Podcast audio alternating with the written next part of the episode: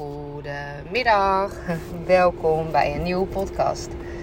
Het is al heel eventjes geleden dat ik zou ehm, terugkomen op uh, mijn laatste podcast. Ik zou wat in, inhoudelijker zijn wat betreft de opleiding die ik heb gevolgd. Het ging over um, traumaverwerking door middel van um, het triggeren van de psoas-spier en ademwerk. En ik heb hem vanmorgen even teruggeluisterd. En toen dacht ik, oh ja, dat is waar ook. Ik zou er nog eventjes wat, verder op doorgaan. Omdat um, ik op dat moment niet heel erg goed de woorden kon vinden. Om te beschrijven hoe zo'n uh, sessie nou eigenlijk in elkaar zit. En wat het nou eigenlijk voor je kan betekenen. En um, ja, toen ik die podcast luisterde, dacht ik, ah, hoe kan ik hier nou hoe kan ik hier nou nog steeds niks over verteld hebben? En hoe kan ik nou eigenlijk nog steeds niet begonnen zijn met het geven van sessies? Want het is zo bizar mooi en zo, zo effectief. Ik ben wel al aan het, uh, aan het oefenen. En ik wil echt het einde van het jaar beginnen met het uh, aanbieden van de sessies. En ja, tijdens het oefenen ben ik elke keer weer zo verbaasd uh, wat het allemaal in werking zet. Um, en ik, ik weet wel wat ik, um, ja, wat ik wil gaan doen. Ik wil eigenlijk deze sessies gaan aanbieden, één op één. En uiteindelijk wil ik heel graag met hele fijne mensen om me heen um, deze sessies ook in groepen gaan begeleiden. Uh, maar laten we klein beginnen. ik heb nog steeds super veel profijt van, van uh, de sessies die ik zelf heb ondergaan. Want ik merk gewoon dat ik naar bepaalde uh, gevoelens over bepaalde situaties niet meer terug kan. En het is wel heel erg grappig dat het een, ergens een beetje vergelijkbaar is bij, uh, of met access bars. Omdat je dan um, ook echt energetisch heel veel los kan laten wat jou niet meer verder helpt. Wat jou vastzet, wat jou blokkeert, wat, je, wat ervoor zorgt dat je gaat piekeren veel over dingen nadenkt waar je eigenlijk helemaal geen uh, grip op hebt. Alleen wat uh, de Body Remember Trauma Release eigenlijk um, nog eens extra doet, is ook als die er zijn, ook zeg maar fysieke pijntjes loslaten. En, um, en dat is wat natuurlijk gebeurt als je trauma vastzet. Je zet dat niet zelf vast, dat wordt vastgezet of dat wordt opgeslagen in je cellen. En dat zorgt er eigenlijk voor dat het uh, invloed heeft op, uh, ja, op, op, op, de, op de fysieke. Uh, ja, op je fysieke lichaam. Dus uiteindelijk bijvoorbeeld het aansturen van je organen. nou ja, noem het maar, noem maar op. Eigenlijk gewoon op, op het fysieke systeem. En access bars kan zeker ook daarvoor zorgen dus access bars sessies kunnen er ook voor zorgen dat het uiteindelijk natuurlijk ook fysiek beter met je gaat. Omdat alles met elkaar verbonden is en het brein natuurlijk heel veel aanstuurt en heel veel signalen geeft. Maar um, voor heel veel mensen is uh, access bars bijvoorbeeld iets heel vaags. Omdat het niet, niet heel erg tastbaar is. En eigenlijk hoeft degene die de sessie ondergaat alleen maar te liggen. En worden er alleen maar punten aangeraakt op het hoofd. Dus het is ook niet een massage, het is geen beweging. Je hoeft er zelf gewoon helemaal niks voor te doen. En dat werkt voor heel veel mensen gewoon niet. Omdat dat, ja, dat is eigenlijk voor heel veel mensen maar gewoon vaag. Dus daarom is het heel leuk om uh, ook ja, zo'n ander, andere sessie aan te kunnen bieden. En ik kan het niet helemaal vergelijken. Er zitten natuurlijk echt wel verschillen in. Ik zal ook zeker nog een podcast opnemen, um, alleen gericht op access bars. Want er zijn ook heel veel mensen die het juist heel fijn vinden om alleen maar te liggen met kleding aan. En uh, eigenlijk bij wijze van zelfs in slaap kunnen vallen en dan uh, er uiteindelijk nog profijt van te hebben dat je gewoon een uurtje hebt liggen slapen. dus um, zeker ook wel heel erg leuk om daar een keer een podcast over te maken. Ik. Um, ja, ik heb dus nog steeds heel veel profijt van de sessies die ik, uh, die ik uh, heb ondergaan. En ik wil wel ik weet niet of ik dat al eerder heb gezegd, maar in, in deze podcast ook wel vertellen dat het niet zozeer is dat omdat ik zoveel, uh, zoveel bezig ben met dit soort dingen en zo vaak het heb over uh, lichter leven en over gemak en over loslaten en over, nou ja, dat soort dingen uh, wil niet zeggen dat ik nooit meer nare gedachten heb of me rot voel of dat er bij mij eigenlijk nooit meer iets speelt of dat ik altijd een tool heb om het meteen, meteen beter te maken voor mezelf. Dus dat wil ik wel heel even benadrukken. Maar ik moet zeggen, dat het zo fijn is om zoveel innerlijk werk te hebben gedaan en nog steeds te doen. Omdat als er iets zich aandient, als er iets in je leven gebeurt wat niet zo heel prettig is, of er wordt iets getriggerd, er wordt iets aangeraakt, um, waardoor de emotie ontstaat, dan moet ik wel zeggen, nu uit ervaring, dat ik veel sneller weer uh, me weer in balans voel, zeg maar. Dus ik lig er niet meer zo lang af als dat ik misschien um, voorheen deed. Of misschien niet zoals ik voorheen deed, omdat dat misschien niet eens aan de orde was, omdat ik me nooit zo mega bewust was.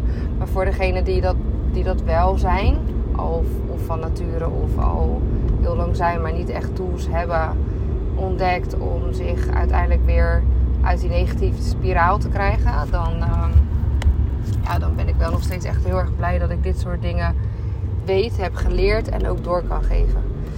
Maar in ieder geval weer terug naar uh, de sessies. Ik ben dus aan het oefenen en dat is uh, onwijs spannend, maar ook echt super leuk.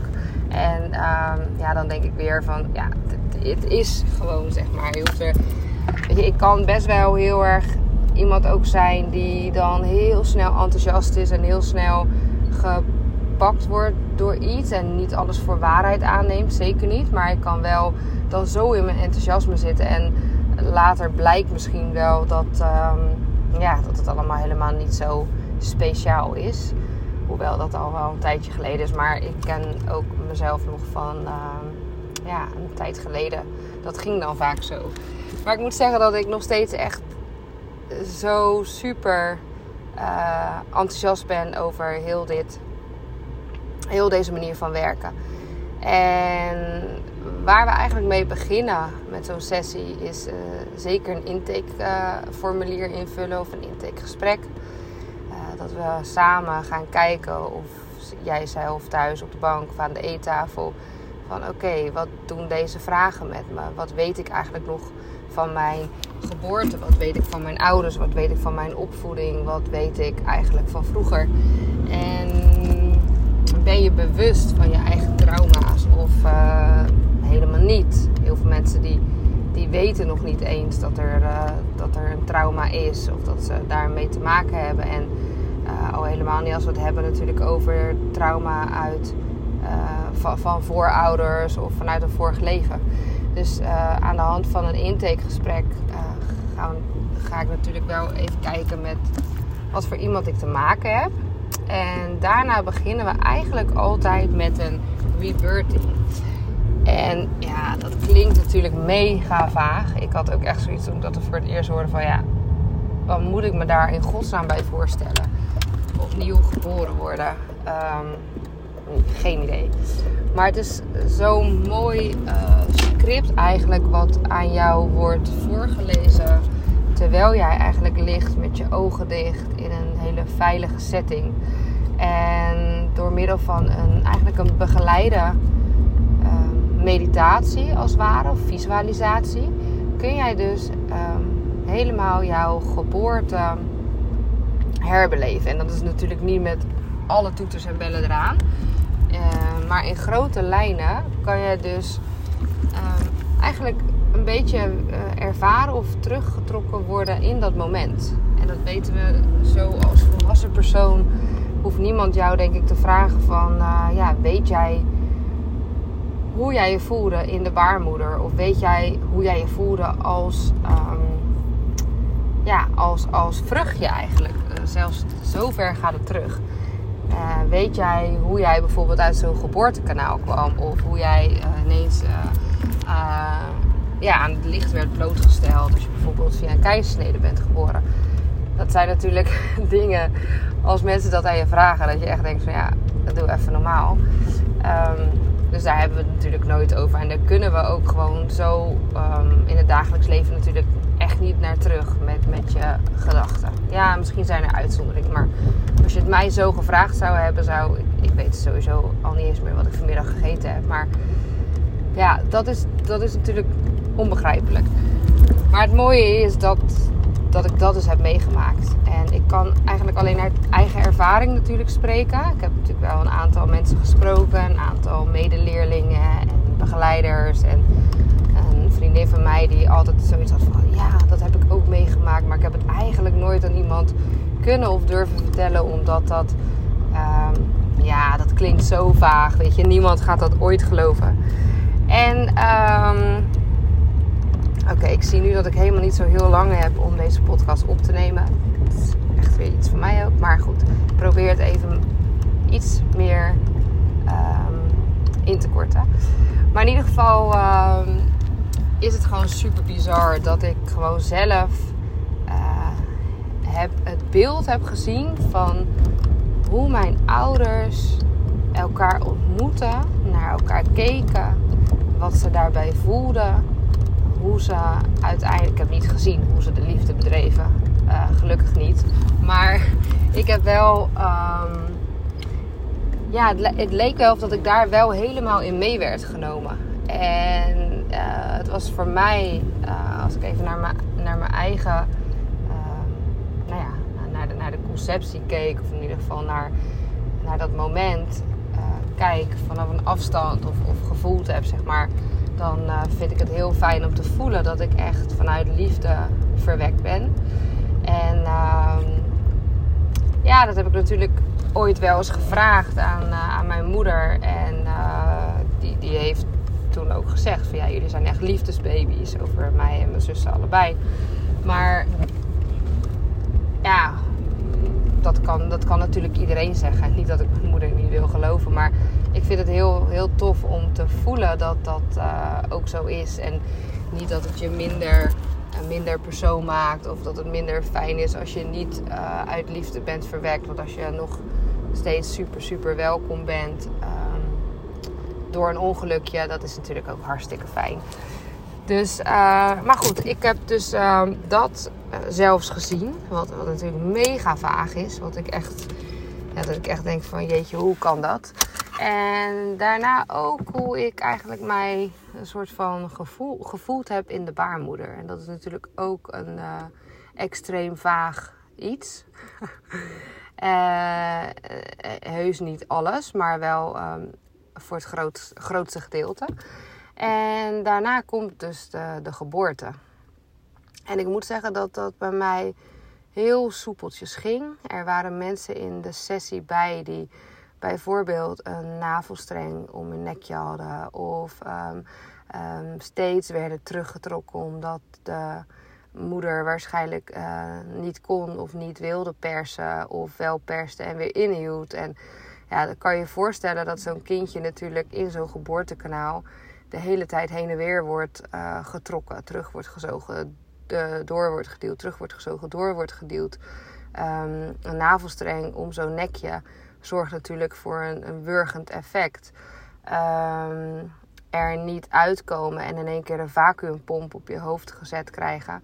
Of um, ja, een dokter die, die jou ineens aanraakt, die, omdat die met zijn of haar hand naar binnen moet om jou eruit te trekken dat zijn natuurlijk eigenlijk uh, zulke heftige gebeurtenissen dat het niet anders kan zijn dat je gewoon trauma oploopt. Um, nou ja, hier kan ik uiteindelijk ook nog wel verder over, over uitweiden als je ooit een sessie bij mij ondergaat. Maar wat ik heb ervaren is wel een rustige geboorte. En uh, wat ik wel weer heb gezien is dat ik, uh, hoe ik zeg maar de wereld inkeek toen ik, toen ik dus uit het geboortekanaal kwam. En hoe mijn vader erbij stond en hoe mijn moeder erbij lag. En ja, dat, dat is zo bijzonder en zo mooi, maar ook zo vaag. En eigenlijk um, vind ik het heel tof dat dat mijn gevoel of ehm, mijn ja, tekort gekomen gevoel. Uh, nou ja, daar, daar, daar kan ik nu denk ik niet te veel over zeggen. Want anders gaan we naar een heel ander onderwerp. En um, even voor als mijn ouders deze podcast luisteren, is dat natuurlijk nooit een, uh, een verwijt of een aanval of wat dan ook. Want nou ja, daar ga ik ook later nog wel een keertje op door. Maar het is wel heel bijzonder om dit. Um, om, om zo'n eerste blik in de wereld en zo'n eerste blik naar je ouders vanuit de ogen van jou als baby te, ja, te kunnen terughalen, te kunnen herinneren of te kunnen uh, terugzien als je dus zo'n reis aan het maken bent. En die reis ontstaat alleen maar door eigenlijk een begeleide meditatie, visualisatie en door bepaalde bewegingen. En that's it. Er is geen niks van uh, truffels, paddo's, ayahuasca, et cetera aan te pas gekomen. Dus dat, dat was al echt een heel mooi begin van een hele mooie, uh, indrukwekkende sessie.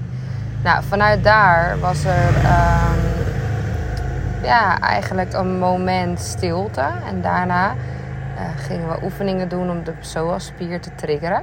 De psoas-spier is eigenlijk de hoofdspier waar uh, die je boven in je onderlichaam met elkaar verbinden en waar je dus alle trauma opslaat. En niet alleen daar, maar vooral daar. En door die te triggeren en daarna bepaalde bewegingen te maken, kom je in een soort van soort staat van zijn uh, tussen het bewuste en het onderbewuste. En eigenlijk, uh, oh, ik moet eigenlijk uh, stoppen met die podcast, maar ik heb nog heel, even twee tellen om, om uit te leggen dat er dus bepaalde trillingen ontstaan en eigenlijk door die trillingen kun je dus um, emotie loslaten. En wat, we altijd gewend zijn om te doen, bijvoorbeeld als je. Uh, ik heb wel eens oefeningen bij de yoga en dan doen we benen in onze lucht en dan gaan we trillen. En dat vinden mensen heel erg naar en die denken dat het niet goed is en die willen daar weg van. Alleen het is juist zo mooi om helemaal in die trilling te gaan zitten. Uh, en dat er helemaal te laten zijn, om daar gewoon rustig doorheen te ademen en doordat er eigenlijk uh, een trilling plaatsvindt, kan er dus energie vrijkomen. Energie wat eigenlijk niet meer in jouw lichaam hoort. Wat eigenlijk gewoon dus trauma is. En vanuit daar, um, om het heel even wat sneller te, te maken, ga je dus door naar um, breathwork, ademwerk. En dat is zo'n bizarre tool ook om eigenlijk um, nog dieper die reis in te gaan. En um, ja, eigenlijk gewoon helemaal in dat gevoel te zakken. En dan ontstaan er dingen, ja, die kan ik echt gewoon bijna niet beschrijven. Maar het is dus een combinatie van een rebirthing en um, het, het, triggeren van je psoas-spier. En daarnaast nog is uh, ademwerk. Ik denk dat ik hem heel even ga pauzeren en later hierop terugga. Anders komt mijn jongste zoontje te laat op zijn sportles. Maar tot hier wilde ik in ieder geval heel even alvast met jullie delen.